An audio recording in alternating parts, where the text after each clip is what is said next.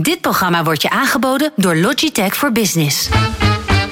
Marketeers vertellen hun beste verhalen hier in Marketing Report. Het programma over media, data, marketing, communicatie en technologie. Elke derde dinsdag van de maand van half zeven tot acht. Dit is Marketing Report, een initiatief van Mediabureau Zicht en Media Meetings. Met vandaag. Ja, onder andere Nicole Vrijt. eh, zij is directeur marketing en innovatie bij HAK. Angela Hoordijk, channel marketing manager bij Logitech. Florent Renders, marketing manager bij Royal Swinkles Family Brewers. En natuurlijk Monique Bergers, crossmedia vrouw van het jaar 2018, is vandaag ook bij ons live in het programma. Dit is Marketing Report. Met Peter Wiebinga en Bas Vlucht. Marketing Report. Zicht op media. Met René Zeedijk. Inderdaad, René, we zijn er weer, man. We zijn er weer, zeg. Hey, we hadden het er net al over, hè? Het is alweer het tweede jaar gewoon eh, gaan we afronden. Ja, zo is Fantastisch, het. leuk. Ja, en laatste uitzending van dit jaar. Ja. En eh, we mogen wel zeggen van een heel bewogen jaar. Nou, dat kun je wel zeggen, ja. Eh, dat is natuurlijk eh, bij ons in, de afgelopen, in het afgelopen jaar eh, vaak aan de orde gekomen. Ja. Ehm, jij duidt altijd het nieuws. Ja. Altijd eh, ja, het laatste nieuws. Maar we hebben besloten vandaag, dus jij hebt eigenlijk een beetje besloten. om eh, met elkaar gewoon eens even te gaan praten over wat dit jaar. eh, ja, wat er gebeurd is en wat dit allemaal betekent. Nou, en met name natuurlijk gisteravond alweer Ja. de troonrede. Of de, de, de speech natuurlijk van, van Rutte. Torentje toespraak, dat bedoel ik natuurlijk niet de troonrede. En ja, dat was natuurlijk wel eventjes weer heftig voor ons. En ook voor de media. Heb je trouwens gisteravond gekeken? Ja, en ik ben heel blij, nu je het erover hebt, Ja. dat bij de troonrede niet er van die soepkippen zijn die daarheen lopen, doorheen lopen Nee. te fluiten. Dat die pannetjes met die dekseltjes, heb je het gezien? Ach, jongens, Echt jongens. gênant. Echt gênant. Maar ja, goed, je, je geeft daar lekker, eigenlijk alleen nog meer aandacht aan. eh, Ja, aan mij viel iets heel anders op. eh, aan, dat, eh, aan dat geheel. Mhm. Dat televisie is dan de dood, hè? Dat is dan eh, de beetje de, de kreet. Eh, eh, weet je uit je hoofd hoeveel mensen er hebben gekeken gisteren? Ik heb het opgezocht. Ja, 6,5 En, eh, miljoen? Nee, nee, nee. Nee, nee, veel nee, nee, meer. 8,4 miljoen. Huh? Ja, nee, dat is serieus waar. 8,4 miljoen, waarvan ruim 6 miljoen op de eh, Nederland 1. Dat Ja, klopt. dat Daar, bedoel ik, dat bedoel nou ja, dan 1,6 miljoen, roep ik even uit mijn hoofd, ongeveer RTL. En ongeveer 300.000, 400.000 op eh, de Talpas en de SBS 6. Dat was ongeveer de verdeling. Ja, dus En, op eh, zich maar een totaal- verdeling, maar goed. Ja, en totaal het marktaandeel, dat heb ik ook even opgezocht, was zo'n eh, eh, nou, 9 op de 10 kijkers. Dus eh, 9 op de 10 tv's stond aan op, op, nou, op dit programma. Op Rutte, om daarnaar te luisteren. En ja, was natuurlijk geen, geen fijne mededeling natuurlijk voor ons allemaal niet. En als je ook kijkt natuurlijk naar het vak, want daar wil ik een beetje het bruggetje naar maken. Ja, is, is dat ik het even natuurlijk ook een rondje heb gebeld vandaag naar wat grote exploitanten. Van jongens, wat merken jullie nu? Nou, en eigenlijk gelukkig geen paniekreactie. Zoals we natuurlijk in maart wel hadden, Ja. is dat er nu niet. Hè? In maart ging echt alleen maar afboekingen. Alles ging op slot en stopte. En, en moest eerst eens eventjes intern gaan overleggen. Wat gaan we nu doen?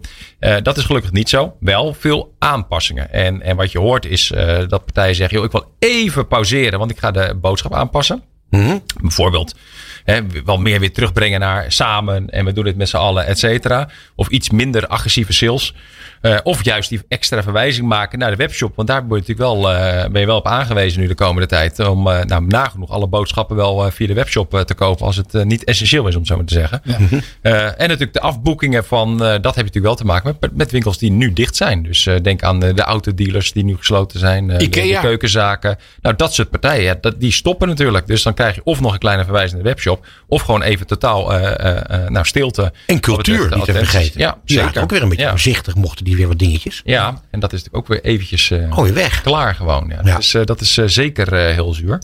Ja, er is ook wel een, een groot verschil, denk ik, met het begin van de lockdown. Ik heb Mhm. daarover gesproken met Harry Dekker van Unilever.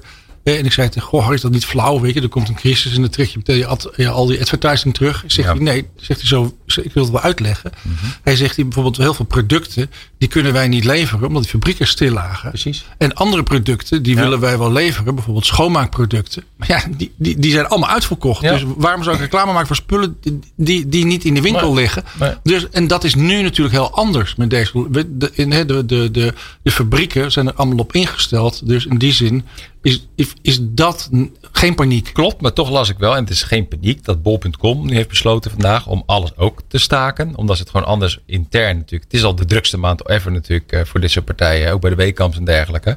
Maar bol.com heeft aangegeven, we gaan even stoppen, want we kunnen het logistiek niet aan. De verkooppartners kunnen het niet aan. Maar ook natuurlijk de distributie, de PostNL busjes en de DHL busjes, kunnen het ook gewoon niet aan. We krijgen het gewoon niet meer geleverd. Dus daarom even geen advertising. En wat ze al hebben ingekocht, gaan ze dus nu inzetten en hebben ze ter beschikking gesteld aan een aantal goede doelen. Dus dat is heel sympathiek van een bol.com wat ik vanmiddag tegenkwam. Maar imago-campagnes, jongens, die kunnen gewoon doorlopen. Die kunnen in principe gewoon doorlopen. Ja. Dat, dat klopt. Uh, vaak zie je wel dat dat op een gegeven moment weer, uh, nou, cosmetica zie je nu ook wel, maar vaak alweer ergens in het nieuwe jaar opgestart gaan worden. Het is nu toch al meer allemaal op sales, sales, sales gericht. Um, en, en daar heb natuurlijk wel een beetje de uitdaging. Dat normaal gebeurt het altijd een beetje, gaan die campagnes weer van start. En tussen kerst, oud en nieuw en, en uh, de eerste we werkweek is er gewoon niet zoveel uh, advertising. En meestal zie je rond 4, 5 januari komt dat weer. En nu ben ik wel benieuwd, en dat weet ik echt nog niet zeker wat er gaat gebeuren. Of mensen iedereen even twee weken gaat afwachten. Dus eerst maar eens even kijken wat de 12 januari en dadelijk dus 19 januari gaat uh, gebeuren. Mm -hmm. He, om, op basis daarvan. Dus ik denk dat het wel wat meer wordt gepauzeerd. Dus niet wordt geannuleerd, maar wel even wordt verschoven, laat ik het zo zeggen, naar, uh, naar die datum.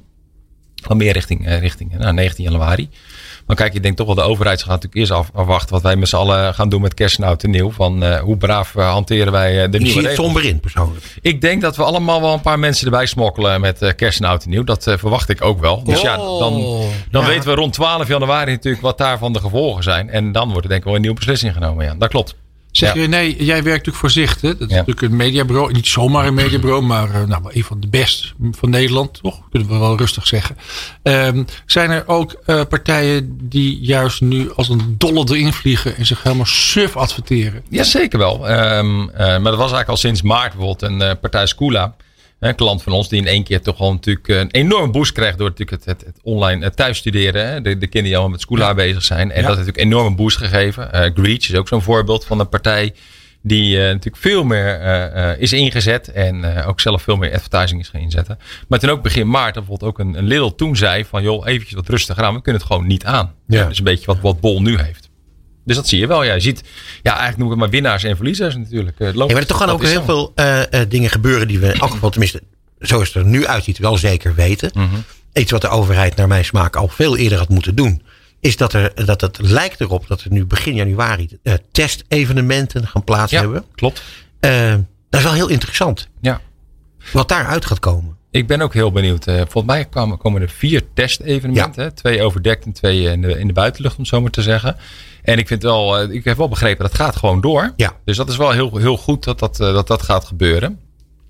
En ja, afwachten we natuurlijk wat dat er gaat plaatsvinden. Maar goed, als eenmaal natuurlijk corona onder controle is, natuurlijk, nou, dan gaan denk ik heel veel grote feesten plaatsvinden. Dus laten we maar hopen dat we dat eh, halverwege volgend jaar eh, volop gaan meemaken. toch? Nou ja, ik- om te beginnen 18 februari. Ja, leuk. Wat is er dan ook alweer? Oh, dat is je bruggetje, Peter. Ja, natuurlijk. Nou ja, niet mijn bruggetje zozeer.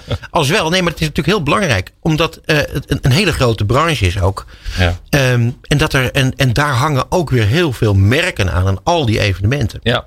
Dus eh, het betekent nogal wat. Ehm, en ik vind het heel vreemd dat al die eh, evenementen, eh, die test-events niet hebben plaatsgehad. Had, had al lang gekund. Dat klopt. Ik vind dat heel stoer. Dat meen ik echt niet. Omdat jullie hier zitten, dat jullie dat gewoon doen. Ik bijvoorbeeld eh, van Immers ik begrepen dat ze volgend jaar geen fysieke evenementen gaan organiseren. Gewoon kiezen voor het online. Dat ze gewoon niet weten. En dat jullie wel gewoon steeds zeggen, oké, we gaan het gewoon doen. Klaar. En misschien moet je een keer verschuiven als het niet anders kan. Maar je doet het gewoon wel. Je durft wel je nek uit te. Nou, dankjewel. ja, maar het is gewoon zo. Ja, nou ja, maar wij vinden het ook belangrijk. En dat blijkt ook altijd in onze branche. En dat geldt denk ik bijna voor alle branches. Dat je eh, toch fysiek Hmm. contact moet hebben om uiteindelijk tot zaken te komen. Absoluut. Dat is de, daar ben ik echt van overtuigd. En daarom is het ook zo leuk als daar gewoon weer lekker die winkelstraat in kunnen gaan. Maar kijk, aan de ene kant denk je wel van, oh, ik heb een webshop en is het opgelost. Maar dat is toch, het fun shoppen is er gewoon veel minder tot niet. Weet je, Ja. je gaat toch de winkelstraat in. Je combineert het met horeca of met een bioscoopje of wat dan ook. En dat ben je natuurlijk gewoon echt kwijt. Hè? En dat is gewoon eh, echt Over bioscoopje gesproken. Ja, dat is eh, over brugjes gesproken. Dat klopt. Ja. Eh, de bioscoop natuurlijk ook een zwaar getroffen partij. Hè. Het gaat gewoon volledig dicht. Dus het is niet een, een verschuiving. Nee, het gaat gewoon volledig dicht. En we hadden al op ons lijst staan een hele mooie eh, marketinginspanning die eh, gisteren plaatsvond. Namelijk eh, de Nederlandse première van De Slag om de Schelde. En, en, en, nou, ik heb het zelf natuurlijk nog niet gezien, maar het moet echt een fantastische film zijn. Echt groots in ingevesteerd. En eh, wat zo uniek was natuurlijk, was dat zij binnen de eh, coronaregels moesten gaan acteren. Door in eh, een bioscoop in eh, Vlissingen maar liefst 30 premières eh, te lanceren. Gewoon over van ochtends 11 tot s avonds 11. 30 premières. Om natuurlijk maar binnen die maximale mogelijkheid van 30 personen te mogen uh, presenteren. En, en, niemand minder dan René Mioch heeft die 30 keer gepresenteerd. En dan kan ik natuurlijk van alles vertellen over die film. Maar het is natuurlijk veel mooier. En dat ik dankzij Peter is dat gelukt om René Mioch ook even in de uitzending te halen. En volgens mij hebben we hem aan de telefoon. Hallo, ja, inderdaad. Ja, geweldig. Fijn dat je er bent, uh, René. Ben jij al een beetje bijgekomen van, uh, van die inspanning van gisteren? Want dat moet wel een echte... Nou, het was een marathon, maar dat moet ook als zodanig gevoeld hebben, denk ik. Ja, nee, dat is zeker zo. Het is een inspanning, maar het geeft enorm veel energie. Uh, want uh, ik heb 30 keer een inleiding gehouden bij een film uh, voor een, in grote zalen die helemaal uitverkocht waren. Want er waren, zaten namelijk 30 mensen in. en, en, en dat is een hele rare ervaring, maar daardoor heb je wel vrij direct contact met de mensen die er zitten. Dus op zich hou ik zelf wel van op die manier film kijken en met mensen praten. Ja. Maar het is natuurlijk niet hoe het moet zijn. En mm. het, is, het werd natuurlijk allemaal nog dramatischer toen we gisterenmorgen begonnen. En we voelden het de dag daarvoor natuurlijk al aankomen. Dat je weet dat je zo'n groot evenement aan het organiseren bent. Waar hoogwaardigheidsbekleders s'avonds over de rode loper zouden gaan om nog meer impact te creëren. Ja. En dat je eigenlijk dan in de loop van de dag hoort Um, dat de volgende, uh, dat s'avonds om 12 uur Nederland in lockdown gaat en dat de bioscopen in ieder geval helemaal gesloten moeten worden.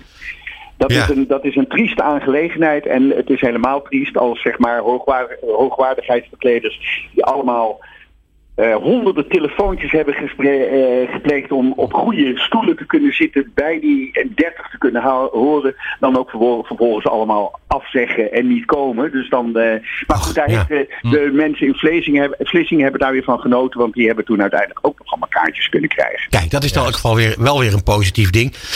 maar hoe is, het, hoe is het er gegaan met de, de mensen die allemaal achter deze film staan? De producenten, de, de, of de producenten en de, de makers, de, de de, acteurs. Uh, dit moet toch wel een ongelofelijke klap zijn geweest? Het is, een, het is een klap omdat je met elkaar, en zeker voor de makers, uh, toewerkt naar dat moment dat die film in première kan gaan. Ja. Maar je kunt je achteraf afvragen, of aan ieder nadeel ook niet een voordeel zit. Want zeg maar, het is binnen de uh, publiciteit en de marketing van films heel gewoon dat je ergens een lokaal evenement, een groot evenement organiseert. Vooral als het in dit geval gaat het over, over een film die uh, zich in Zeeland afspeelt. Dus voor de Zeeuwen een heel belangrijk uh, gegeven. Nou, dan is het best wel, dat is met de storm zo gebeurd, weet je wel. Dan ga je naar Zeeland, dan organiseer je een grote première. En dan enige tijd later doe je dat in Amsterdam nog een keer over. En dan is het landelijk een, een verhaal. dat was nu okay. natuurlijk helemaal niet de bedoeling, maar het ziet er nu natuurlijk naar uit dat dat wel gaat gebeuren. Dus we hebben nu uh, vanavond, uh, of vandaag, gisteren, enorm veel publiciteit gekregen. Het heeft in alle uh, journaals gezeten, in de, in de shownieuws en de RTL Boulevard, ja, ja, allemaal op. Nou, mensen weten van de slag van de Schelde. Die naam, die titel, die is nu bekend. Ja, en dan komt die waarschijnlijk pas eind januari, begin februari in de bioscoop. Met opnieuw een première natuurlijk en weer een groot ding. En dan waarschijnlijk gewoon in Amsterdam of Den Haag. Ja, nou, weet je wat? Daar komen wij ook. Uh, nee. hey, maar uh, uh, wat interessant is ook voor ons programma is natuurlijk het feit dat deze film eigenlijk een marketingtool is op zich voor, ehm, voor het V-fonds. En voor een campagne die inmiddels een jaar heeft gedraaid. Ja, nou het V-fonds is dus het Veteranenfonds. Ja. Dus dat, zijn, dat is een, een, een, een organisatie die best wel hoge doelen stelt. En die hebben nu, eh, drie jaar geleden, zijn die in dit project gestapt. Of liever gezegd, die hebben aan de filmmakers de opdracht gegeven. Bedenk een project waar wij de Tweede Wereldoorlog eigenlijk kunnen, opnieuw kunnen introduceren bij een generatie die er niks van af weet. Ja. Die, die, die eigenlijk weer opnieuw moeten leren wat er eigenlijk daar gebeurd is. Omdat we daar zo makkelijk overheen lopen. En toen hebben Alain de Levita en uh, Mark van Eeuwen, Paula van der Oest en Matthijs van Heiningen hebben een slag, een, een, een, slag, een, een, een, oor, een stukje oorlog gevonden. Eh, wat zich afgespeeld heeft aan het eind van de Tweede Wereldoorlog. Wordt ook wel de verloren oorlog genoemd. Uh, in, het, in het laatste stukje van 1944 hebben de Duitsers en de geallieerden een enorme slag, een enorme gevecht gevoerd in Zeeland. En dat was, iedereen dacht dat ze wel al bevrijd waren in Nederland. Ja. Maar toen moest er nog even flink gevochten worden. Dat historisch uh, element, dat wordt nu aan iedereen verteld via deze film. En voor zo'n fonds, voor, zo'n, voor die investeerders, was dat het doel om te zeggen van oké, okay, wij gaan nu veel geld stoppen in de Nederlandse film, die, die eigenlijk ons helpt om die communicatie op gang te brengen. Schitterend. Bas uh, heeft een vraag voor je. Ja, uh, René, is het een leuke film? Nou, kijk, ik heb iedereen gisteravond steeds uh, uh, heel veel plezier bij de slag bij de Schelde. Uh, dat was mijn laatste zin. En dat klinkt zo wrang als je naar een oorlogsfilm gaat kijken. naar een, een, slag waar 10.000 mensen hun leven verloren hebben. Maar ja, het is een goede film. Het is een waanzinnige film. Het is de op één na duurste uh, film die in Nederland gemaakt is. Uh, oorlogsfilm. Uh, Zwartboek was geloof ik 19 miljoen. Deze kost 14 miljoen dollar, euro. En dat betekent dat er... Het is zo ongelooflijk goed gemaakt. En ik overdrijf echt niet. Als, mijn, alleen maar mijn mening. Maar als je denkt aan het rijtje Saving Private Ryan en 1917 en, en Dunkirk. Dan doet deze echt mee. Een, voor, ik denk een, een, tiende van het budget wat anderen hebben. Maar, maar ja, het is gewoon geweldig gedaan. Denk je dat het ook internationale potentie heeft daarom? Zeker, want het bijzondere van dan zo'n de, de, aanpak van, de aanpak van Nederlanders is dan dat wij willen toch altijd een goed verhaal. Dus wat, wat Paula van der Oest als scenario schrijver heel goed gedaan heeft. Die heeft eigenlijk, die, natuurlijk zie je, zien we grote veldslagen en, en, en kanonnen en schieten en weet ik veel eh, wat je verwacht bij een oorlogsfilm. Maar eigenlijk draait dit verhaal over drie, gaat, draait het verhaal om drie jongeren. Waarvan één Nederlandse jongen, in het, in, die zit in het leger bij de Duitsers. Die, is, die heeft om een bepaalde reden keuzes gemaakt dat hij zich aangesloten heeft bij de Duitsers. En er is een andere jongen die is verliefd op een meisje. Dat is, en dat zijn de drie personages. En die volg je. Dus het is eigenlijk ook gewoon een mooi verhaal over drie jongeren in oorlogstijd. Dan alleen maar, we gaan erop uit en we knallen de tegenstander neer, zeg maar. Ja, René, uh, qua tijd zit het er helaas een beetje op. Wij, uh, wij gaan denk ik allemaal naar die film kijken. Je hebt uh, nogal, nogal uitgebreide reclame ervoor gemaakt. Ik heb ook heel erg het idee dat het een, een fantastische film moet zijn. Uh, uh, ja, hou ons alsjeblieft op de hoogte van wat er gaat gebeuren rondom deze film. Als er uh, opnieuw ja, een, een, een, campagne gaat plaats hebben. En heel erg bedankt dat je bij ons in de uitzending wilde zijn. En gefeliciteerd met je marathon van gisteren. Dankjewel. Tot ziens. Dit is Marketing Report. Op Nieuw Business Radio. Dit is Marketing Report. Op Nieuw Business Radio. En wij hebben, als het goed is, aan de telefoon Nicole Vrijt. Zij is directeur marketing en innovatie bij HAK. Nicole? Ja, dat klopt. Ja, leuk dat je er bent. Wat ontzettend jammer dat jij niet uh, kans zag om uh, naar de studio te komen. En daarom uh, ja, spreken we elkaar. inderdaad heel jammer. Ja, ehm, je hebt zelf niks opgelopen, geloof ik, hè? Nee, gelukkig nog niet. Nee. Dus, maar Wel in ja, voorkomen dat dat gebeurt. en ook nou ja, ter bescherming van een ieder hebben wij besloten dat we, dat we echt ons even aan alle maatregelen houden. Ja, ik begrijp het. En onze het is, verantwoordelijkheid daarin willen nemen. En over verantwoordelijkheid nemen gesproken, dat is wat jullie met, met het merk Hak ook doen. Uh, jij bent uh, bijvoorbeeld. Ja. Uh, ja, ik maak, probeer een bruggetje te maken natuurlijk. Ja. je bent activist. Ja, klopt. Kan jij iets daarover zeggen? Wat een activist, wat, wat, wat betekent dat precies? Nou, uh, met hacktivisme uh, bedoelen we eigenlijk de manier waarop wij uh, onze missie uitvoeren. Onze missie is gericht op elke dag mensen helpen meer groenten en pulvruchten te eten. en nou, dat is ook een maatschappelijk probleem, dat mensen te weinig groenten en pulvruchten eten, terwijl het ja, heel goed en bewezen is voor de gezondheid en ook voor de planeet om meer plantaardig te eten. Ja.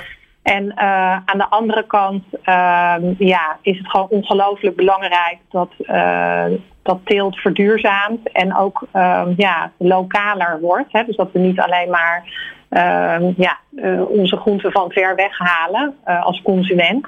En dat we meer volgens seizoenen lokaal eten en, en dat, dat die teelt ja, verduurzaamt. Ja. Uh, rekening houdt met de bodem, biodiversiteit, uh, gewasbescherming, uh, reduceert, noem maar op. en ja, met die twee topics eigenlijk, dus aan de ene kant het helpen van mensen meer groente en pulvruchten te eten, aan de andere kant hè, die lokale duurzame teelt, daar zetten wij ons dagelijks voor in. En ja, het activisme zit hem dan eigenlijk in, ja, wat we zeggen, niet lullen maar poetsen. Mm -hmm. Uh, en en um, dat we ook daarin echt de samenwerking actief aan willen met de, met de keten en met de, met de stakeholders. Uh, en daarover ook gewoon een discussie en het gesprek aan willen gaan. Uh, soms achter de schermen, maar soms ook gewoon voor de schermen. En daarin dus ook ja, gebruik maken van onze rol en die, die rol ook nadrukkelijk willen invullen. Ja. En ja, dat noemen we dus hacktivisme. Ja, en, dat, en, en dat, wij noemen onszelf dus hacktivist. Ja, en dat zijn dus ook alle mensen die bij jullie werken. Die, dat zijn eigenlijk allemaal hacktivisten. Klopt. Ja. ja, ja. Want, want, want ik, uh, wat ik begreep is dat jullie zijn natuurlijk een A-merk. Jullie zijn een, echt een oer-Oer-Hollands merk. Prachtig merk. Um, ik dacht dat jullie veel groter waren wat betreft het aantal mensen dat bij jullie werkt. Ja, we zijn, we zijn een groot merk. Uh, we zijn een klein bedrijf, uh, maar wel met ongelooflijk veel impact. En dat maakt het ook meteen ontzettend uh, leuk en bijzonder en interessant om, om hier te werken. Ja, dat begrijp ik. Ja, omdat, omdat je gewoon uh, ook als, als uh, in, in mijn rol uh, en ook in, in de rol van heel veel anderen die bij ons werken, gewoon veel verantwoordelijkheid hebt in, in dat bedrijf wat dan niet zo heel erg groot is. En ook heel veel overziet eigenlijk van nou ja, het zaadje dat de grond ingaat tot en met het bord van de consument. dus, dus dat maakt het, maakt het heel erg mooi. We zijn gewoon een groot merk. We zijn het, het derde maaltijdmerk in de supermarkt. Mm -hmm. uh, en we zijn uh, ja, veruit marktleider in onze categorie. Dus uh, ja, we spelen gewoon een hele belangrijke rol. En niet alleen in Nederland, hè? Op het bord van de consument en ook in de, in de voedselketen. Ja, zeg maar dat is niet alleen in Nederland. Wel voornamelijk Nee. Nederland, geloof ik. Ja, klopt. Uh, twee derde van onze omzet uh, doen wij in Nederland. Uh, de rest doen wij in België en in Duitsland. Waarbij Duitsland wel onze snelst groeiende markt is. Uh, dus uh, belooft ja, wat. wat dat betreft is het wel interessant uh, om ook ja, die verschillende markten aan te sturen met hun eigen ja, eigenschappen, om maar zo te zeggen. Mhm. En de positie waar het merk staat. dus dat is, dat is heel mooi. Zeg, eh, mijn collega, die kan jij niet zien. Normaal had je die wel eventjes kunnen treffen in zijn, over een schitterende kersttrui. Eh, dat is Bas Vlucht en die wil heel graag iets even vragen. Ja, ik heb een vraag Ja. over jullie heritage. Jullie hebben natuurlijk jarenlang met eh, Martine Bijl gewerkt. Hè. Dat is eigenlijk wel helemaal de personificatie van jullie merk geweest. Het heeft ook heel lang gelopen. Heel succesvol. met de, de groenten van Hak. Eh, op een gegeven moment houdt dat op. Eh, hoe, hoe, hoe ga je dan verder op zo'n moment? Ja, Martine Bijl heeft 27 jaar voor HAK gewerkt. Dat is ongekend lang natuurlijk. Er zijn maar weinig merken. Uh, er zijn misschien wel een paar voorbeelden. Maar er zijn maar weinig merken die zo lang met één uh, ambassadeur, hè, met één merkambassadeur werken. En ja, dat heeft ze natuurlijk op een uh, fantastische manier gedaan. Dat koesteren we ook nog steeds. Jullie ook trouwens, hè? Wat, wat, zeg je? Nou, ik vind dat jullie dat ook heel knap hebben gedaan. Want namelijk, eh, jullie hebben ervoor moeten zorgen samen met eh, Martine. Om, eh, eh, om dat eh, fris te houden. Om het leuk te houden. Ja. Dus altijd een, een, een, een, lichte eh, eh, humoristische toon in. Niet overdreven. Maar dat dat 27 jaar heeft gewerkt. Dat is toch ook een groot compliment voor jullie en voor jullie bureau. Zeker. Dus, en daar zijn we, ja, hè, nogmaals, daar zijn we ook gewoon heel erg trots op, op die heritage. En tegelijkertijd moesten we ook op zoek naar, naar iets om, om een bepaalde nieuwswaarde weer uh, te creëren. En een nieuw, uh, ja, een beetje uh, misschien niet plat gezegd, een nieuw plaatje ook neer te zetten voor het merk. Ja. Omdat mensen, ondanks dat heel veel mensen van Martine hielden, ja, dat het ook heel bekend was en niet heel veel nieuwswaarde meer, meer bracht. Ja. En ja, we hebben gewoon de afgelopen jaren echt de reis willen maken van een traditioneel conservenmerk, wat ook een beetje introvert was, naar een, hè, een plantaardig uh. Uh, dat ook ja, wat activistischer is, om maar zo te zeggen. En En, is dan- en die reis, daar hoorde gewoon ook uh, een aantal, ja, hè, daar hoorde een stuk innovatie bij, maar dus ook de campagne om daar een ander beeld neer te zetten. En uh, ja, daar hebben we dus uiteindelijk zijn we uitgekomen bij, bij Herman den Blijker. Ja. Waarmee we in 2015 gestart zijn met de bonencampagne. Omdat ja, voor consumenten ehm, hè, een barrière om bonen te eten die overigens heel erg gezond zijn en vol plantaardige eiwitten zitten. Wat natuurlijk helemaal ontrend is. Um, maar je ziet wel dat een barrière voor mensen is dat ze niet zo goed weten hoe ze dat nou lekker klaar moeten maken. Dus we hadden zoiets van ja, we moeten op zoek naar iemand die wel het DNA van hak heeft. Dus iemand die oer-Hollands is en eerlijk en die, die staat voor uh, lokale uh, voeding. Uh, lokaal eten, maar die wel uh, ja, die consument mee kan nemen in, uh, en een grote groep consumenten. Wat kun je nou eigenlijk ermee? Hoe kun je het lekker maken? Ja. Ja, en Herman heeft ja, als grootste TT-kok en, van Nederland, de bekendste kok van Nederland, heeft natuurlijk die, ja, dat bereid, die autoriteit. Eh, om, eh, om dat te doen. En tegelijkertijd past hij heel goed eh, bij, de, bij de waarde van het merk. Dus ja, daarom zijn we toen met Herman met de bonencampagne gestart. En ja, dat was eigenlijk vanaf het begin een, een groot succes. Ja, want eh, ik neem aan dat jullie nog een tijdje doorgaan met, met Herman, als ik het zo eens hoor. Ja, voorlopig werken wij nog samen met Herman inderdaad. Ja, klopt. Ja. We bekijken dat el- per zoveel jaar bekijken we dat met elkaar. Hè. Dus we vinden het ook belangrijk hè, dat, het van, dat we van allebei de kanten daar eh, eh, nou ja, in ieder geval positief in zitten. Ja, En Herman eh, ja, is echt een ongelofelijke ambassadeur voor HAK. En staat heel erg achter eh, de producten en het verhaal en de lokale teelt. En eh, hij gaat ons ook met ons naar telers om de verhalen te horen. Eh, en heeft ook heel veel ideeën, zit boordevol ideeën, over wat je er allemaal mee kan maken. Dus eh, ja, dat is tot nu toe een ja. hele mooie samenwerking. Je hebt de, de zak van Hak nu, hè? Eh, Dat is Ja. dus een innovatie ten opzichte van de, de, de potten die klassiek zijn. Maakt dat nou uit? Ik bedoel, eh, eh, die verpakking? Je bedoelt wat het uitmaakt, een pot of een zak? Ja, er zitten wel een aantal verschillen tussen. Aan de ene kant gewoon functioneel is het zo dat wat in een, in een zak zit, wij maken onze producten houdbaar, zowel in pot als in zak, door middel van verhitting. Hè, en een pot noemen wij dat dekken, zoals de oma's dat vroeger deden. Hè, dat werd het uit de moestuin gehaald en dan werd het eh, in de voorraadkast, werd het gewekt en werd het in de voorraadkast bewaard, zodat ze ook in de winter de seizoensgroenten konden eten eh, die ze uit de moestuin hadden gehaald. Eh, dat doen wij nog steeds met onze potten. En met de zakken gaat het eigenlijk een beetje hetzelfde. Ook die verhitten wij om ze houdbaar te maken. Er zitten dus absoluut geen conserveringsmiddelen in, in geen enkel product van hak. Maar bij een zak hoef je het wat minder lang te doen.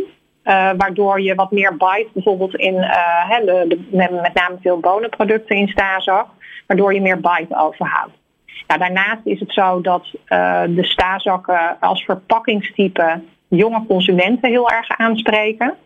Eh, waarbij je ziet dat de, de pot, eh, eh, even afhankelijk van welk product, hè, je ziet dat peulvruchten eigenlijk voor iedereen zijn, maar dat bepaalde productgroepen, dat die wat traditionelere consumenten aanspreken. En dat we dus met die stazak echt ook een nieuwe groep consumenten, zowel naar de categorie als naar het merk hebben kunnen trekken. Ehm, en dat is natuurlijk heel mooi, want we willen uiteindelijk voor iedereen oplossingen bieden met groenten. Om hun maaltijden te boosten met groenten. Ja. En eh, we hebben met die stazakken ook andere oplossingen ehm, ja, gevonden om nieuwe maaltijden hè, eh, mee, te, mee te verrijken. Hè. Dus een linzencurry, eh kikkererwten, burrito. Dus ook echt die nieuwe keukens, om daar ook, hè, die heel erg opkomend zijn in Nederland naast de traditionele keuken, die nog steeds heel groot is, om daar ook een rol in te spelen. Dus Volgens op die mij- manier kunnen we meerdere behoeftes invullen van consumenten. Nou, het blijkt wel, want eh, jullie hebben een enorme diversiteit aan producten eh, eh, inmiddels laten zien. Je hebt het er ook nu over gehad. Ehm, het, is, het is interessant om te horen hoe jullie van een, ja, eigenlijk van een, van een, een, een merk waar, wat, ja, wat mij betreft vooral, vooral bekend was van de ertjes. Nu een enorme range aan, eh, ja, aan, aan de gezonde en goede producten eh, in het schap hebben gezet. Dus eh, wij zijn ontzettend benieuwd naar wat Herman ons allemaal nog gaat aanprijzen de komende tijd. En, Ja. en als je ons op de hoogte Gaat wil houden, gebeuren. bijzonder graag. Hey, heel graag eh, bedankt in elk geval voor, eh, voor nu en eh, heel graag tot, eh, tot een volgende keer. Graag gedaan. Dankjewel, Oké, Nicole Vrij. fijne avond. Dit is Marketing Report op Nieuw Business Radio. Ja, en eh, ik ben heel blij dat ik eh, mijn volgende gast mag aankondigen. Namelijk, dat is Angela Hoordijk. Zij is Channel Marketing Manager bij Logitech. Ja, Welkom. Wat fijn dat je er bent, joh. Ja, hè? Ja, echt. Ik vind het echt heel erg leuk. We hebben jou al heel vaak gevraagd en jij kon nooit. En dat is dan gelijk ook wel een interessante introductie. Omdat namelijk, waarom kon jij nooit? Omdat jij je helemaal het schompers hebt gewerkt het afgelopen jaar. Ja, ik was Ja. ook een keertje ziek, maar inderdaad, dat is dan. Ja, dat komt daar dan van. Ja, ja dat klopt. Ja. maar dat zeg ik Ja. toch? Ja. Ja, ja. Eh, Logitech. Ehm, ja, dat, eh, Logitech heeft een fantastisch jaar achter de rug. Tenminste, het is nog niet afgelopen. Maar jij zei tegen mij al een tijdje geleden van eh, 2020 moet een heel erg goed jaar worden. Toen wisten we nog niet wat, eh, wat ons boven het hoofd hing. En vervolgens gebeurt er dit. En eh, werd het een jaar wat ja, voor jullie alle verwachtingen heeft overtroffen, geloof ik. Zeker. Ja. Vertel even. Ja, ja ik, ik weet inderdaad, wij leren elkaar eh, een jaar geleden kennen, denk Ja. ik ongeveer. En toen ehm, gingen wij het samen hebben over welke samenwerkingen wij konden hebben. En ik zei toen tegen jou, 2020, dat wordt het jaar voor video collaboration. Wij Ja. zijn al die tijd bezig geweest om mensen te vertellen waarom moet je nou gebruik maken van video colla- collaboration. Omdat je ehm, sustainable, eh, je bent be- meer sustainable als een bedrijf zijnde.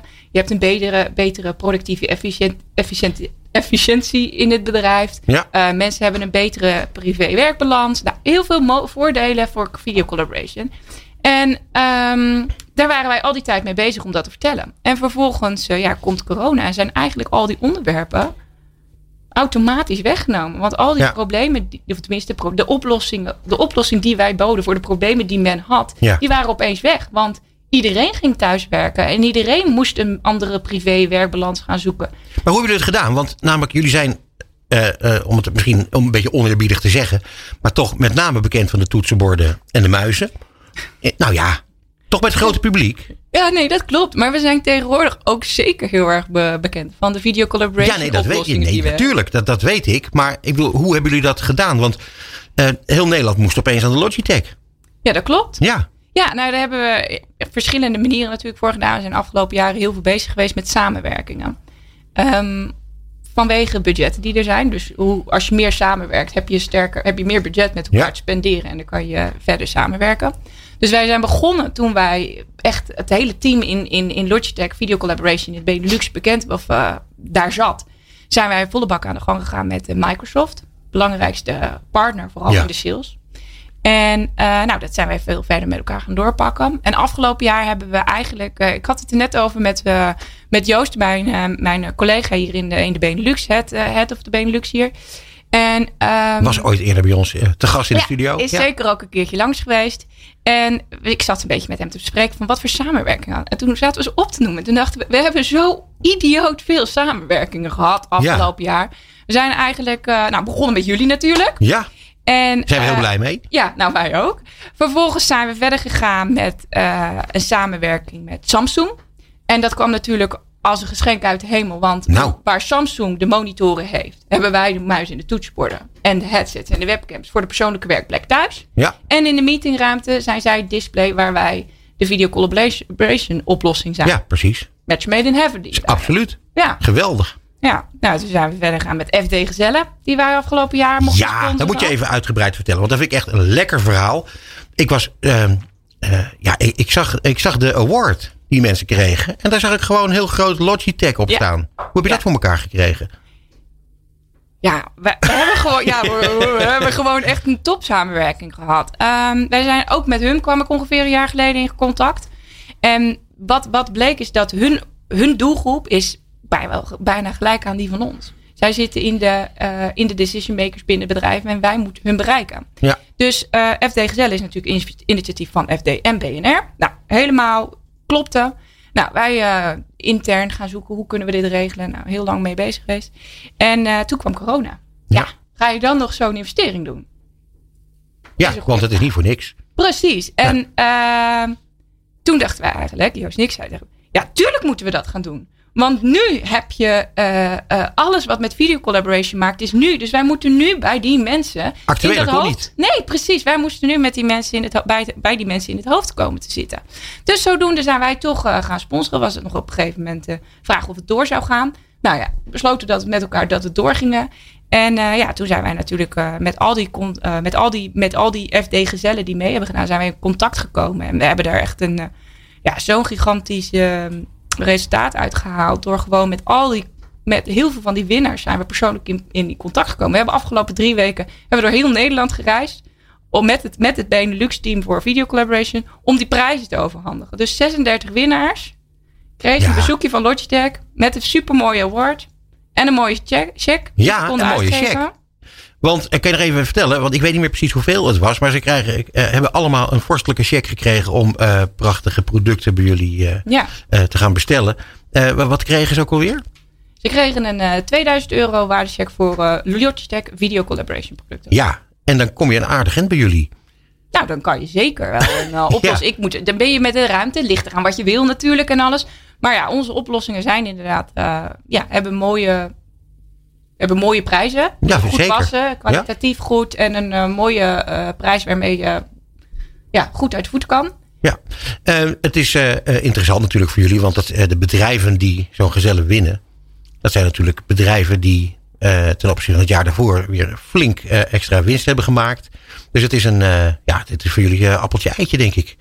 En dat zijn allemaal, allemaal hele goede klanten Het van de toekomst. Ja, ja precies. Het Ja. zijn, het zijn de, de partijen in Nederland van de toekomst die, daar, eh, die daaraan meedoen. En eh, als, je daar, als je hun als ambassadeur van Logitech kan krijgen, ja, wat wil je dan nog meer? Ja, het is fenomenaal. Goed gedaan. Gefeliciteerd. Wacht even. Hier komt Bas Vlucht. Ik heb ook een vraag, iets heel anders. Eh, Jullie ze hebben een, een, zijn een Zwitsers bedrijf hè, met eh, hoofdkantoor natuurlijk in Zwitserland. Maakt dat voor jou als marketeer wat uit? Voor jouw bewegingsvrijheid, voor, de, hoe je opereert? Nee, eigenlijk zijn wij binnen Logitech heel erg vrij om, eh, om, om, om, om, om, om, om de keuzes te maken die je wil, om de samenwerkingen aan te gaan. Natuurlijk moeten de samenwerkingen altijd wel, vooral zulke samenwerkingen als FD, moeten echt wel besproken worden en, eh, en eh, goed doorgelicht. Wat willen we eruit halen, et cetera. Dus dat, eh, dat is ook hiervoor gebeurd. Maar we zijn ook wel heel vrij om, om alle samenwerkingen eigenlijk op te zetten. Andere samenwerkingen, dus zoals Samsung. We zijn, we zijn de samenwerking aangegaan om een eh, onderwijsoplossing, een unieke onderwijsoplossing te, te, te ontwikkelen. ehm, die de hybride klaslokalen bedient. En die is nou ja, op een dag van vandaag natuurlijk super belangrijk. Dus nee, we hebben eigenlijk heel veel vrijheid om met al onze partners ehm, mogelijkheden te zoeken en, en te opereren. Maar ook heel, heel bijzonder, hè? want je hoort toch van heel veel internationaal opererende bedrijven dat lokale partijen willen heel graag door met marketing, maar vanuit Headquarters International gewoon een, eh, wordt gewoon gesommeerd, gewoon naar nul, klaar en we wachten het even af. En jullie zijn er gewoon precies tegenovergesteld. Local empowerment noemen we dat. Heel goed. God jongens, wat een heerlijk gesprek weer. Eh, vind je het erg als ik even door wil gaan naar een ander onderwerp, namelijk Learn Anywhere? Ja. Want dat is eh, van, dat, eh, van die video collaboration een ander heel mooi aspect. Zeker. Ja. Kun je daar iets over vertellen? Ja, wij, Wist ik wel. eh, ook weer om, rond een jaar geleden. Ja. Het is allemaal echt wel verhalen van een jaar ongeveer. Maar we zijn, eh, ik kwamen, kwamen mijn collega's, was ik niet als eerste initiatiefnemer natuurlijk, maar onze eh, eh, technical sales eh, persoon, die eh, kwam met het plan van, joh, wat kunnen wij doen voor, eh, voor, de, voor, de, voor het onderwijs hier in Nederland? Want ja, dat moet er steeds meer ook hybride kunnen. En eh, nou, dat was een project wat liep en er waren onderdelen en plannen gemaakt. En toen kwam corona. En hey, toen was er zoveel vraag naar die, naar die oplossing. Nou, samen met een aantal andere partners, waaronder Epson van de Beamers, eh, Extron en, en, en, en Chameleon, een whiteboard specialist, zijn wij op zoek gegaan naar een oplossing die, waarmee de docent kan lesgeven zoals hij altijd gewend is. Dus op zijn bord kladderen van links naar rechts, maar ook contact kan houden met de studenten thuis. Ja. Ehm, en hij kan ook gewoon gebruikt worden, de ruimte, tijdens een gewone les, waar alle studenten in de ruimte zijn. Dus een oplossing voor gewoon. Hybride. i- precies, hybride, maar ook fulltime of ieder, alle studenten thuis of alle studenten in het lokaal. Hij Mhm. kan opgebra- gebruikt worden voor elke oplossing. En eh, toch blijft het mogelijk voor de docent in deze oplossing om de interactie te zoeken met zijn studenten. Ja. Omdat hij achter in, het, achter in het lokaal worden de studenten eh, in een, in een, op een scherm gezet die thuis zijn. Ja, precies. Ze zien hem, maar zij- hij ziet hen ook allemaal. Juist, precies. Ja. Dus steekt iemand zijn vinger op, kijkt iemand moeilijk, ehm, zit iemand helemaal eh, iets anders te doen. Ja. De student ziet dat. En daarmee kan je natuurlijk wel zorgen dat er een optimale manier van lesgeven kan blijven bestaan. Angela, ehm, ik ben heel benieuwd hoe dat nou heel concreet werkt. Maandag eh, spreekt eh, de minister-president ons toe en die zegt: luister, die scholen gaan dicht en moeten online gaan lesgeven. Ja. Dan kom jij dinsdag op je, op je werk. Eh, gaan dan allemaal mensen bellen? Ik bedoel, merk je dat meteen of werkt dat niet zo? Nee, nee, dat werkt, eh, werkt niet zo. Dat komt voornamelijk om het feit dat we eigenlijk nog niet heel lang live zijn. We zijn bezig geweest met een marketing toolkit eh, te ontwikkelen voor hiervoor. En alles is live gegaan, ik denk, drie weken geleden. Dus ehm, nee, daar heb je nog niet super veel, veel gelijk heel veel resultaat. Maar het- deze uitzending natuurlijk wel. Natuurlijk. En daarnaast zijn we ook gewoon bezig met een hele campagne daaromheen. Om ervoor te zorgen dat iedereen eh, wel weet wat er een oplossing is. Waarmee de docent gewoon kan lesgeven zoals Ja. hij wil. Maar hier, hier zie je ook het levende bewijs dat zo'n crisis als waar we nu in zitten. een enorme driver is voor innovatie. Want dat is eigenlijk wat je nu Absoluut. laat zien. Ja, En ik denk dat wij daar uh, wel. Ja, we, hebben, we hebben nog twee samenwerkingen waar dit inderdaad. Ja, Peter noemde het eerder de sympathieke samenwerkingen. Ja. In een tijd als corona. Vond ik zelf wel een mooie omschrijving. Dat ik dacht, ja, dat is het ook. Weet je, het is iets om, om mensen te helpen. We hebben ook nog een oplossing waar ik verder niet zo over uit te wijden. Maar voor de, voor de, voor de, voor de ziekenhuizen, om, om patiënten nog steeds, ondanks dat ze in quarantaine zijn, misschien daar wel in contact te laten blijven met hun thuis, met hun, met hun familie thuis. En dat de dokter ook het gesprek aan kan gaan. Dus er zijn zoveel manieren waar je video collaboration voor kan gebruiken. En um, ja, dat is natuurlijk nu super interessant voor ons om, om te laten zien ook waar het allemaal voor gebruikt kan worden en hoe je beter kan. En betekent ook dat het een versnelling is van dingen die jullie misschien pas eigenlijk volgend jaar of in, de toekomst hadden willen ontwikkelen, die, die nu heel hard naar voren komen? Ja, ja. ja er zijn wel onder andere, uh, weet je, kijk, ik had graag gezegd, nee, daar waren we al lang natuurlijk mee bezig geweest. Maar ja, soms heeft, heb je wat druk op de ketel nodig om, dingen, om dingen mogelijk te maken. En onder andere de oplossingen voor educatie. En waren we al heel erg mee bezig. Maar door zo'n corona, ja, moet het wel echt, moet het gewoon afkomen, moet het live zijn. Ja, en wat dan al zo schitterend is, dan heb je, uh, hebben we het gehad over gewoon hoe bedrijven uh, zaken kunnen blijven doen met elkaar. Door gewoon de meest uh, fantastische videocontacten te hebben. Dat het geluid goed is. Dat, dat, nou goed, daar hebben jullie allemaal, allemaal hele handige systemen voor bedacht. binnen jullie techniek. Maar wat je net aangaf, hè, Learn Anywhere, het verhaal van de FT Gezellen. Mooi verhaal. ik vond wat je net vertelde over mensen die in het ziekenhuis liggen contact willen hebben. Je bent vergeten te, te noemen dat dat Workstation on Wheels heet. Prachtig. Heel goed. Ja, echt goed. Um, maar uh, uit alles wat je vertelt spreekt een zekere trots. Maar waar misschien nog wel meer trots uit sprak eerder, was uh, samenwerking met UNICEF. Ja, ja zeker. Kijk. Ja, weet je, en de luisteraars kunnen het niet zien, maar ik hoop dat ze het horen. Want uh, een smile van oor tot oor. UNICEF, vertel. Ja, ik, hoe gaaf is het als jij in, de, in deze periode, of in welke periode dan ook, waar het met ons heel goed gaat. Hoe gaaf is het dan als je ook nog andere mensen kunt helpen met dat wat jij aan het doen bent? Ja. En uh, zo zijn wij in, in contact gekomen met, uh, met UNICEF om. Weet je, zij, zij, hebben, zij zijn bezig met een, met een wereldverbeterde functie. Wij proberen heel veel te doen. Wij zijn heel erg bezig met sustainability, met uh, um, um, sociaal ondernemen. En natuurlijk ook dan met een partij als dit. En uh, ja, dus zijn wij een campagne met hun ga, gaan doen om hun educatieprojecten te blijven ontwikkelen. Ja. En uh, dat betekent dat uh, de komende periode voor elke meetup die verkocht wordt, Logitech 10 euro uh, voor elke meet, ja, meetup, zei ik al. Ja, sorry. Dat, is een, dat is een apparaat. Dat is een van onze oplossingen voor de ja. kleine ruimte. doneren wij 10 euro aan UNICEF. Ja, ja. Supergoed. Ja, en ik kan je vertellen, met op dit moment waar die meetup echt door het dak gaat. Ja. Echt een van onze... Best verkopende. Dus ja. ja. En tweede plek, ja, wordt het een prachtige donatie die wij dadelijk gaan doen. Ja, geweldig. Ja, ja dat is heel mooi. Het, het, het is uh, uh, alles bij elkaar. Uh, een ongelooflijk fijn en mooi verhaal. Wij zijn ook apetrots dat jullie aan ons verbonden zijn. al een jaar. En ehm, ja, het zij je inmiddels vergeven, Angela, dat jij uh, met alles wat je net verteld hebt, dat jij uh, geen tijd had om uh, bij ons langs te komen in de studio. Maar gelukkig spreken we elkaar tussendoor nog wel eens.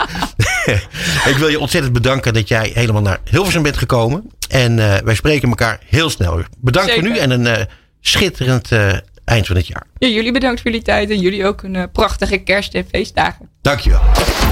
Dit is Marketing Report op Nieuw Business Radio. Dit is Marketing Report op Nieuw Business Radio. En in de studio bij ons te gast Florent Renters. Hij is marketingmanager bij Royal Swinkels Family Brewers. Eh, ook wel bekend als uh, of namens uh, Bavaria en heel veel andere schitterende merken. Florent, welkom in de studio man. Dankjewel. Goed dat je er bent. Hoe lang heb je moeten rijden om hier te komen? Een klein uurtje. Oh, wat een reuze mee. Goed dat je bent gekomen. Uh, wat heel plezierig is, dames en heren. Uh, kijk, we aan het eind van het jaar hebben we nog wel eens klanten de neiging om bijvoorbeeld een fles bubbels te sturen of zo. Weet je wel. Voor mij hoeft dat helemaal niet. Florent heeft het veel beter aangepakt. Die heeft hier gewoon een hele serie bieren voor ons neergezet. En wij gaan in deze uitzending bier proeven. En dat is leuk, want jij hebt nieuws. Ja, wij hebben als Bavaria zijn we al jarenlang eigenlijk pionier op alcoholvrij bier. Maar we begonnen een beetje heel veel concurrentie te krijgen. En we waren een beetje ingehaald door de concurrentie. Nou, dat wouden we niet op ons laten zitten. Dus we hebben sinds uh, twee weken stroomt eigenlijk onze nieuwe 0.0 in. En over twee weken gaat onze nieuwe campagne helemaal live. Uh, en ik wil jullie graag eigenlijk die 0.0'tjes laten proeven. Nou ja, dat vind ik echt superleuk. Uh, dat is één ding. Tweede is dat, wat je net al even kort aangaf. Jullie waren de eerste. Ja. Um, jullie zijn ook, volgens mij, heel lang uh, de eerste gebleven. Er kwamen meer met een, met een toen heette het nog Molt. Uh, biertje op de proppen. Eerlijk gezegd vond ik het allemaal niet zo heel erg lekker. Maar die van Bavaria, die, die, uh, nou, was redelijk. Um, maar intussen is er op die markt ontzettend veel gebeurd. Wat jij eerder vertelde, um, is dat jullie in Afrika bier verkopen, alcoholvrij bier. Dat jullie in het Midden-Oosten uh, bier verkopen. Um, en dat is natuurlijk alcoholvrij. Uh, dus jullie, voor jullie was er al heel veel aan gelegen om weer de nummer 1 te gaan worden. Ja. Ja. En wat, wat, hoe is dat gegaan? Hoe, hoe, hoe zit het in elkaar? Hoe, hoe werkt dat? Nou, wat het interessante is, uh, het bier waar we eigenlijk in 1978 mee zijn begonnen, is uh, gebrouwen met geïmmobiliseerde gistcellen. Heel 78 was het al? 1978. Ongelooflijk. Dat wist ik niet. Ja. En daar zijn we inderdaad in het Midden-Oosten en in Nigeria uh, met, met ons alcoholvrij bier begonnen. Maar dat is eigenlijk halal bier. Want er mm -hmm. heeft nooit alcohol ingezeten door die gistcellen. Mm -hmm. um, maar wat we zagen, dat is ook een. was eigenlijk ook geen bier. Nou, het is wel bier. Het is alleen geen bier met alcohol. Oké. Okay. Ja, oké. Okay, maar het is een ander brouwproces. Ja. Nou goed. Oké. Okay. Sorry, laat me, laat me je niet. En, nou, en we, maar we zagen wel in, in, nou, wat je zegt, we waren toen echt al de markt ver vooruit. En we liepen echt qua smaak vooruit. Daarom durfden wij onze eigen naam er al aan te Mhm. mm -hmm. geven. Alleen inmiddels zagen we zeker in westerse landen en specifiek in onze eigen thuismarkt Nederland, is dat een redelijk lekkere 0.0. Dat kan niet meer, want inmiddels waren mensen, uh, andere bedrijven, ons al uh, uh, met andere recepturen om de oren aan het slaan. Mhm. Mm -hmm. Nou, dus nou dachten we vijf jaar geleden, dat gaan we niet op ons laten zitten. Dus vijf jaar geleden al begonnen. Maar uh, we bleven wachten tot we een goed product hadden. En dat is uh, twee weken terug. Hey, is dat een innovatie die vijf jaar duurt, joh? Ja.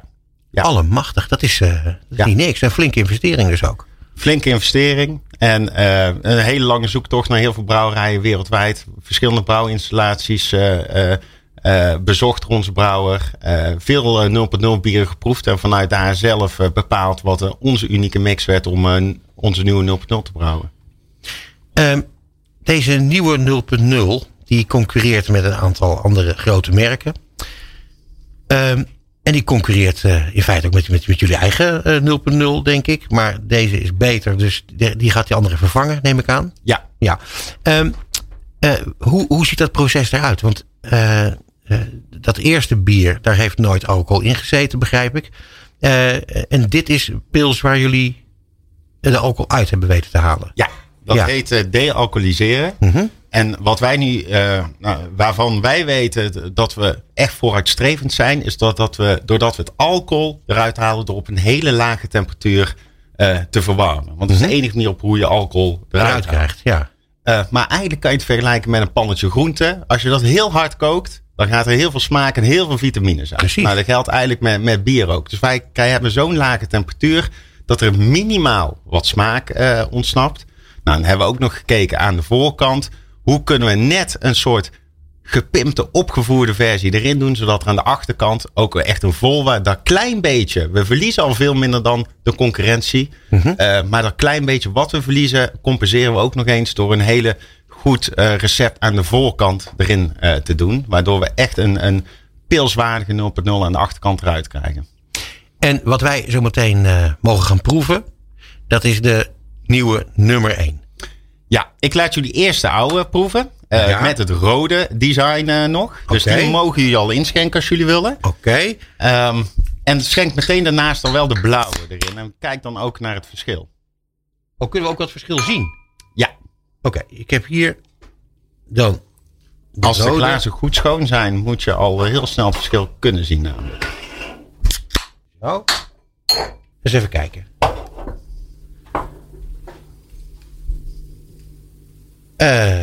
Nou, ik zie in elk geval, maar het, misschien ligt dat aan het glas, maar een andere, andere bubbel. En ik weet, ja, het is hier in de studio moeilijk te zien hoe dat zit met, met kleur.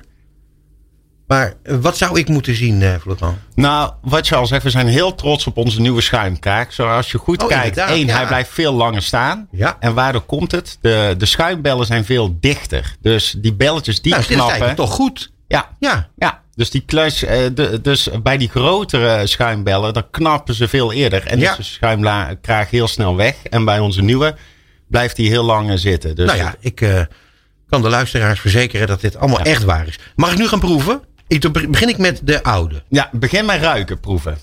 Even naast elkaar. Ja, nou, die, die ruikt zoetig, zoals een, eh, ja, een, een 0.0, zeg maar. Waar ik zelf nooit zo'n hele grote fan van ben, moet ik eerlijk zeggen. Ik ga proeven. Ja, ik, ja, zoetig. Geen pils, vind ik. nou, en Nou, de nieuwe. de volgende. Goh. Serieus mensen, dat is een enorm groot verschil. Bas? Oh, Bas is nog, oh, die zit het he- helemaal achterover te kieperen. Als een echte alcoholist. Maar Bas, er zit niks in. Er zit geen alcohol in, man. Ik zit even te genieten. Ja, maar het is echt, ik vind het ongelooflijk. Ja, en je ruikt het denk ik ook al, of niet? Ja, het ruikt naar pils. Ja. Het is ongelooflijk. Nou, eh, wij kregen oprecht. eh, je maakt nu een, een, een, eh, een grap. Maar wij kregen van de week. grap. Nee, maar we kregen van de week echt een klacht van iemand die al onze nieuwe 0.0 had gedronken. En die Ja. dacht dat we een fout hadden gemaakt met brouwen. Dat er alcohol in zat. oh, zo- oh, zo bedoel je. Wat grappig. Ja. Dus, eh, Ja, ik vind hem echt goed. nou, wij ook. Dus Nou ja. eh, ik Hey, heb ook nog twee andere biertjes voor je meegenomen. Ja, zelfs. we noemen geen namen. Nee. Ehm, ik zie hier een vrij bekend merk. eh 0.0. Eh, die ga ik ook even inschenken. En dan zie ik er nog eentje. eh, waarvan wij ook een marketeer hier in de studio hebben gehad. Alweer een tijd geleden. Ehm, Ik vind het wel goede radio, die, eh, die, die geluidjes, hè? ja, dat het wel echt waar is dat we hier eh, bier zitten te drinken. Eh, nou, deze.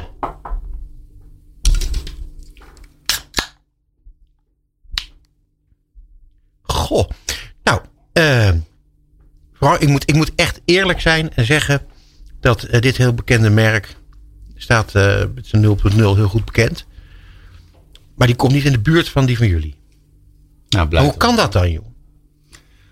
Nou ja, ik denk de, dat onze brouwer heel veel goed werk heeft gedaan en heel veel onderzoek. Ongelooflijk. Ja. Echt waar. Nou, Overigens gaat u de die marketeer van dat merk hebben we ook een keer in de studio Ja, dat- gehad. Oh, die- veel oh ja, dat mensen is op de waar, vloer Peter. Dat is waar. Ja. Maar luister jongens, we moeten natuurlijk wel... Want je zal hier maar naar zitten te luisteren... dat hier mensen zitten te drinken. Eh eh, Florent, wat, wat, eh, wat gaan jullie doen... om eh, de beste eh, en de grootste eh, te worden weer in dit segment? Nou, het, kan- het eh, Dry January komt er natuurlijk aan. Dus dat is voor ons ook het moment om echt heel groot te gaan blazen over onze eh, nieuwe 0.0. Ehm, nou, wij hebben een bekende eh, eh, eh, payoff als, als bewaarjaar zijnde met, met zo. Ja, zeker. Ehm, maar die gaan wij nu gebruiken om de vergelijking met Pils aan te gaan. Dus onze campagne slogan wordt zo als Pils. Ehm, omdat iedereen na het zien van iets van onze campagne moet, moet ja, eigenlijk gaan zien en gaan nadenken van ja, ik word ook verleid om nou deze 0, eh, 0.0. Want die is blijkbaar, eh, lijkt die zo op een echte alcoholhoudende pils.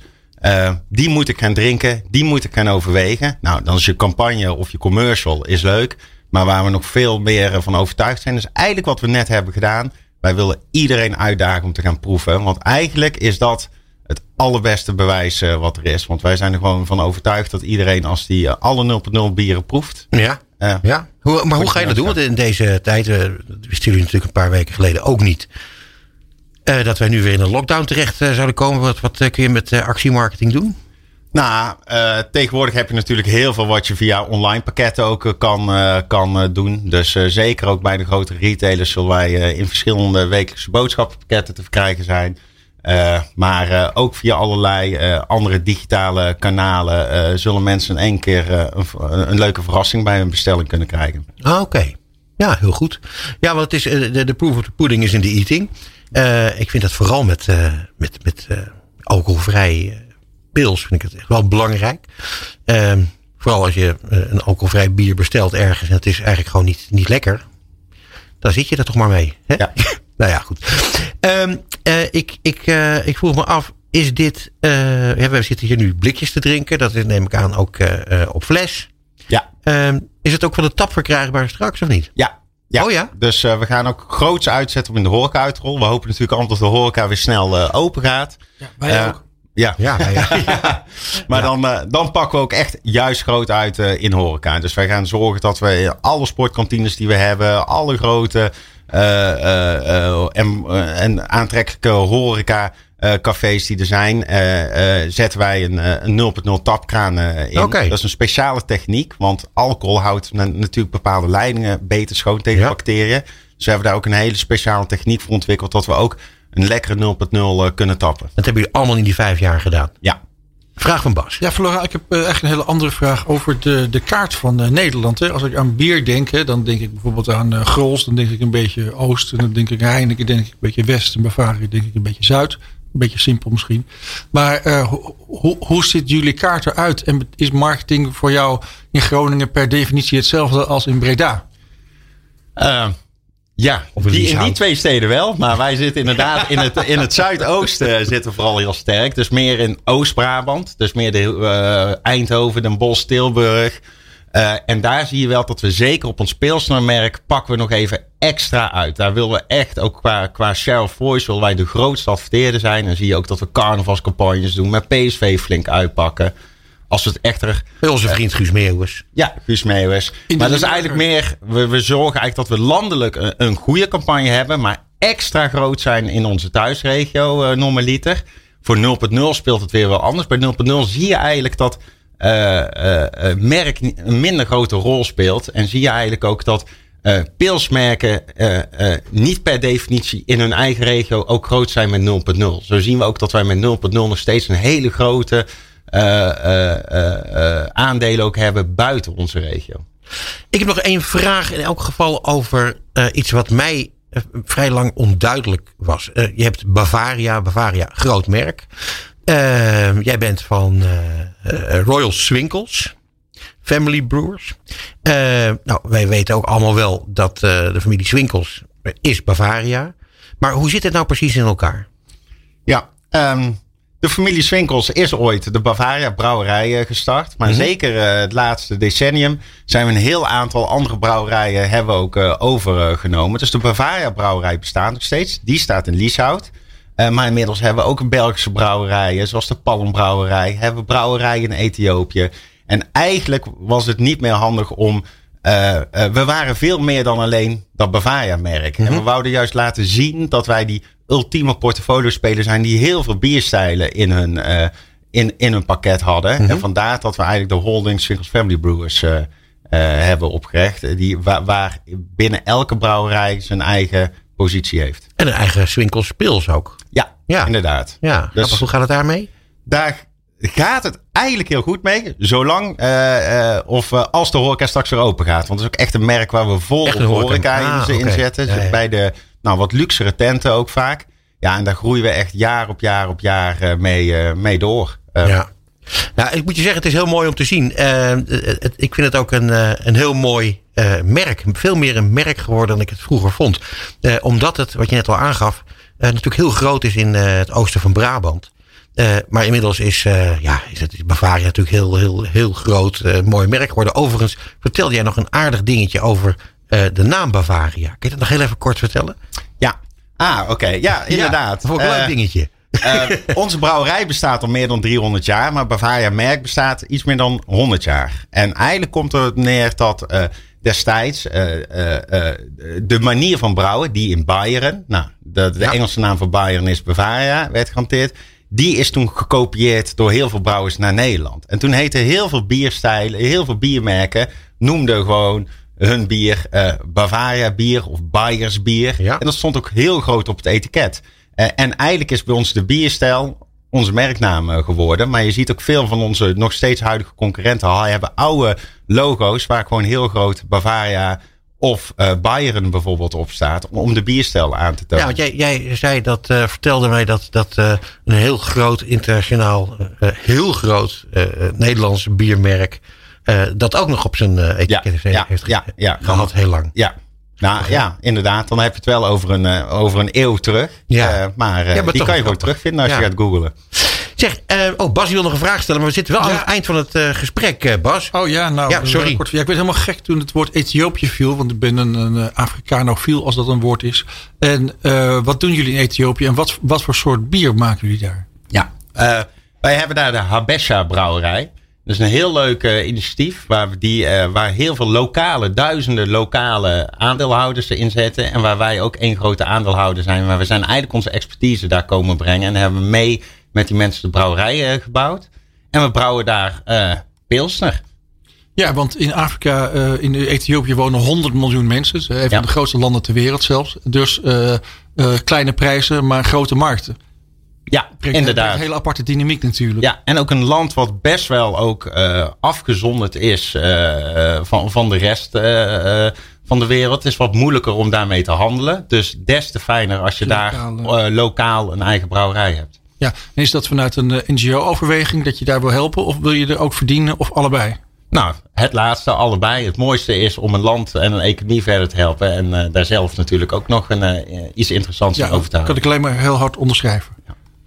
Nou, zomaar eens voor Afrika. Want inderdaad, we moeten een keer een Afrika-uitzending doen, Bas. Ja, leuk. Wel leuk, want daar weet je heel veel van. Vooral ontzettend bedankt dat jij hier naartoe wilde komen. Je denkt natuurlijk dat wij pas vijf minuten in gesprek zijn. Is niet zo. Ehm, ik, je hebt mij overtuigd. En eh, dat had ik niet verwacht, heel eerlijk gezegd. Ehm, wij, eh, wij gaan nog lekker even een biertje met elkaar drinken. Gezellig. Dank voor je komst. Tot ziens. Dit is Marketing Report op Nieuw Business Radio. Dit is Marketing Report op Nieuw Business Radio. Ja, en als het goed is hebben we aan de telefoon Monique Bergers. Monique. Hi. Hi, wat goed je te spreken. En wat jammer dat je hier niet bij ons eh, in de studio kunt zijn. Eh, maar gelukkig staat de techniek voor niets. Eh, de techniek die overigens eh, wordt geregeld door Ron Lemmens. En dat doet hij altijd weer op fantastische wijze. Dat zul je merken, Monique. Jij was crossmedia vrouw van 2018. Eh, van Albert Heijn toen ter tijd overgestapt naar de bureauwereld. Jij bent terechtgekomen bij NS5 om daar en is content op te richten. Dat klopt. Vertel daar eens even iets over. Want jij, jij, bent, jij, jij, jij houdt van content. Ja, ik heb wel een eh, redelijke voorliefde voor content eh, ontwikkeld binnen het marketingvak. En Ja. eh, met name omdat daar nog, denk ik, echt wel heel veel te winnen valt. Wat ik heel interessant vind aan content is dat het je in staat stelt om eigenlijk meer verdieping te kunnen geven op je, op je merkboodschap. Op een manier eh, die niet zendend is, maar ja, als je content brengt, dan moet je de aandacht verdienen. En dan moet je dus ook hele goede kwalitatieve content maken. En eh, wat wij doen is het eh, vanuit een redactionele blik benaderen. Ik werk heel veel met mensen uit, uit de televisie- en mediawereld. Omdat die net op een andere manier weer naar content kijken. Die hebben eigenlijk een voorliefde voor content. En die kijken de wereld van buiten en vanuit dat perspectief naar het merk. En dan ga je denk ik hele interessante content maken die de doelgroep ook echt wil zien. eh, En niet die ze door de strot wordt geduwd. Ja. Wat op dit moment nog te vaak gebeurt. Nou, ik ga niet vragen naar eh, voorbeelden, want dan ga jij eh, concurrenten lopen slachten. En daar, daarvoor... Nee, dat moeten we ook helemaal niet doen. Maar een aanleiding om met jou te gaan spreken was wel eh B-cel. Eh, wat ik heel grappig vond, was dat jij al zei van ja, de 50-plusser die wordt vaak eh, ja, weergegeven als iemand in een regenjas op een elektrische fiets. Eh, dat gaan jullie heel anders doen. Ja, ja wij, eh nou, BCL is eh, eigenlijk eh, sinds een half jaar een klant van ons. En wij zijn aan de slag gegaan voor, met een nieuwe marketingcampagne voor, voor hen. En daar hebben we weer de hart centraal ge- gezet. En eh, BCL richt zich op een iets oudere doelgroep. En toen wij onderzoek deden naar de, de, de 50-plus doelgroep, toen ontdekten we eigenlijk dat de tweede helft van het leven helemaal zo slecht nog niet is. Omdat je eigenlijk veel meer zelfvertrouwen hebt, je hebt meer geld, je, je relaties zijn beter. Terwijl tegelijkertijd wordt die 50-plusser altijd heel stereotyp weggezet. Eigenlijk helemaal niet naar een leeftijd waar je naar uitkijkt. Eh, en dat perspectief eh, willen we draaien. Dus we hebben de campagne De Plus van een Sterk Hart. En nou, er zit een TVC bij, maar we hebben juist middels content ook gekeken van hoe kunnen we nou op lange termijn invulling geven aan, aan dit domein van vitale en actieve 50-plussers. En echt een ander gezicht geven aan, eh, aan de 50-plusser. Dus eh, onze redactie is, continu op zoek naar dit soort verhalen. En dan stuit je op prachtige verhalen van... eh, Nou, de eerste aflevering is Henk, die is een triathlonner en die gaat elk weekend nog actief op pad met zijn vrouw of met zijn dochter. En ja, het is een prachtig, een prachtig verhaal. Henk is een hele inspirerende man en dat proberen we door middel van deze serie continu top of mind te krijgen. Dat eigenlijk andere 50-plussers ook inspireren op, op, op die actieve levensstijl. En zijn, het, zijn dit echte verhalen, Monique? Of zijn het hele goede ja, acteurs? Absoluut. Ja, Nee, je, zit, uh, je, je doet onze redactie je research naar. Dus uh, die struinen het hele internet af en, uh, en een, nou, een contact om dit soort verhalen te vinden. En er liggen ondertussen al heel veel verschillende verhalen klaar die we nog niet allemaal kunnen brengen. ook wegens, wegens corona. Maar er zitten echt hele mooie verhalen bij. En ook op Instagram proberen we ook sommige verhalen die we niet in video kunnen brengen, ook juist wel weer middels portretten een, een, podium te geven.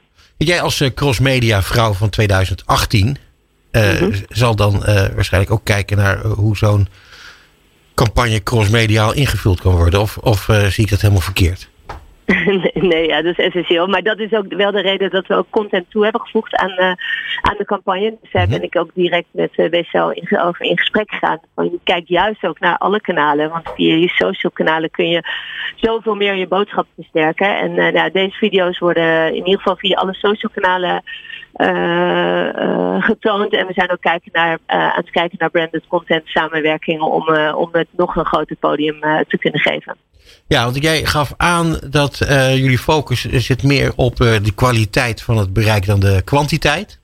Ja. Uh, hoe, hoe, hoe bereik je dat? door hele goede content te maken. Nee, nou, ja, door echt aandacht te, te, geven aan het verhaal. En niet, uh, niet, niet zeggen, kijk, weet je, uiteindelijk is content marketing heeft lagere budgetten. Maar ik heb liever dat je één of twee uh, content items maakt die heel goed zijn. Uh, waar echt met liefde, zowel in het redactionele stuk als in het productionele stuk, echt het verhaal goed wordt gebracht. En het zit heel erg in de inhoud. Dus net, net wat meer diepgang binnen bieden en uh, interessante personen voor de camera zetten. Ja. Dus geen, uh, geen talking heads, zoals wij het vaak zeggen. Ja, begrijp ik. Bas. Zeg, uh, Monique, heeft de 2020 NS Content vertraagd of juist versneld? nou, heel even toen, toen de lockdown net begon, heeft het natuurlijk heel erg vertraagd, omdat alles wat gepland stond niet door kon gaan. Maar we hebben juist ook echt wel weer een hele nieuwe, nieuwe manieren gevonden om, om verhalen te brengen. En wat je zag is dat de behoefte aan content steeds groter werd. Uh, wij werken bijvoorbeeld uh, onder andere voor ABN AMRO. En uh, middels content hebben zij continu een vooral zakelijke markt ook op de hoogte kunnen houden en kunnen inspireren met, met, met hun expertise. We hebben een e-book uitgebracht, we hebben allemaal artikelen via online gedaan. We hebben online talkshow uh, gedaan per branche om zo toch continu die zakelijke markt te inspireren op, uh, op hoe zij hun onderneming eigenlijk succes, uh, ja, of, nou, succesvol in ieder geval door de crisis heen konden leiden. Ja, want jij hebt NS Content zelf opgericht. Hè? Je hebt een aantal mensen bij elkaar gehaald en ja, een, een, een, een, een volwassen onderdeel binnen, binnen NS5 opgebouwd. ja. Dat is ontstaan, wat je net al aangaf, uh, door jouw liefde voor content. Mm -hmm. uh, dat heeft je ook een, een, enorme drive gegeven, omdat je vond dat het beter kon. Ja, dat klopt. Ja, ik heb, uh, nou, ik, ik heb bij Albert Heijn voor, heb ik de, toen de jongerenzender Up To Day op kunnen zetten. En toen heb ik ja, heel veel content mogen maken en daarmee heel veel geleerd. En ook heel gezien uh, hoe en met wie je uh, de beste content maakt. En wat ik uh, zag is dat eigenlijk je merkstrategische bureau de beste ideeën kunnen neerleggen die ook heel goed passen bij je merkverhaal. Want daar begint het natuurlijk wel allemaal mee. Weet ja. je, goede, leuke content maken is niet moeilijk, maar het moet wel precies passen bij het verhaal wat jij wil vertellen. Uh, maar wat uh, de traditionele bureaus uh, meestal minder in huis hebben, is dat echt ja, redactionele denken, de, de, het slimmer produceren. En dat heb ik toegevoegd aan juist een sterk strategisch bureau, wat NS5 echt heel goed is. Weet je, -hmm. alles, alles vertrekt vanuit het merk en dat merkverhaal staat echt bovenaan bij alles wat we maken. Uh, alleen je voegt wel eigenlijk die snelheid in productie en die inhoud van redactie toe. Dus uh, ja, ik geloof dat we daarmee een unieke formule te pakken hebben. Maar goed, ik, ik heb het natuurlijk zelf opgezet. Maar uh, Anne, mijn partner in crime, Anne Stokvis, die komt uit de televisiewereld. En ik vind het echt prachtig om te zien hoe zij elke keer weer unieke invalshoeken weet te vinden om het eh, toch wat minder reclamisch te maken, zoals wij het vaak zelf zeggen. Ja, ja de, de, komt de, de sleutel van het Rijks, komt dat ook uit dezelfde koker? Ja, ja, Ja. dat was onze eerste, eerste format eh, die we hebben mogen maken bij eh. Dus, Hele eh, mooie eh, serie. Ja, is prachtig. En daar, wat daar gelijk heel leuk was, is dat eh, eh, eh, we hebben toen dat samen met Thijs Bontjes, de creatief directeur, en Anne hebben dat samen ontwikkeld. Maar we hadden heel erg die redactionele liefde. Dus ging echt op zoek van waar zit dan de match tussen de conservator en, eh, en de bekende Nederlander. En Thijs heeft daar heel sterk in vorm en in idee eh, eh, op bijgestuurd. Waardoor het ook, ja, vind ik, precies de combinatie brengt wat, wat NS5 eh, kan in deze, deze setting. Ja, en dan blijkt dus dat jullie ook eh, een adviseur zijn bij, bij NPO bijvoorbeeld. Eh, Heel kort tenslotte, wat, wat eh, betekenen jullie voor eh, NPO? Nou, wij zijn het, eh, het bureau voor NPO. Dus eh, in de aanbesteding hebben we op, eh, op twee percelen gepitcht. Dus eh, voor merk en voor eh digital en social. En ons content heeft het digitale stuk My personal. gewonnen. En daardoor mogen wij eh, daar inv- invulling aan geven. Ja, het is wel mooi hoor. Ik vind dat, eh, dat jullie eh, het heel erg goed doen. Ehm, het is, eh, ik moet je zeggen dat het jammer is dat je niet in de studio bent. Want het is toch altijd, als je eh, dan met elkaar spreekt over dit soort dingen. Dan is het, kan je dingen wat beeldender op de een of andere manier maken. Ook al is het eh, op de radio. Ehm, wij gaan met jou verder praten op een ander moment in het nieuwe jaar. Ik, dank Heel je, graag. ik dank je enorm voor je bijdrage aan het programma. En heel graag tot een volgende keer.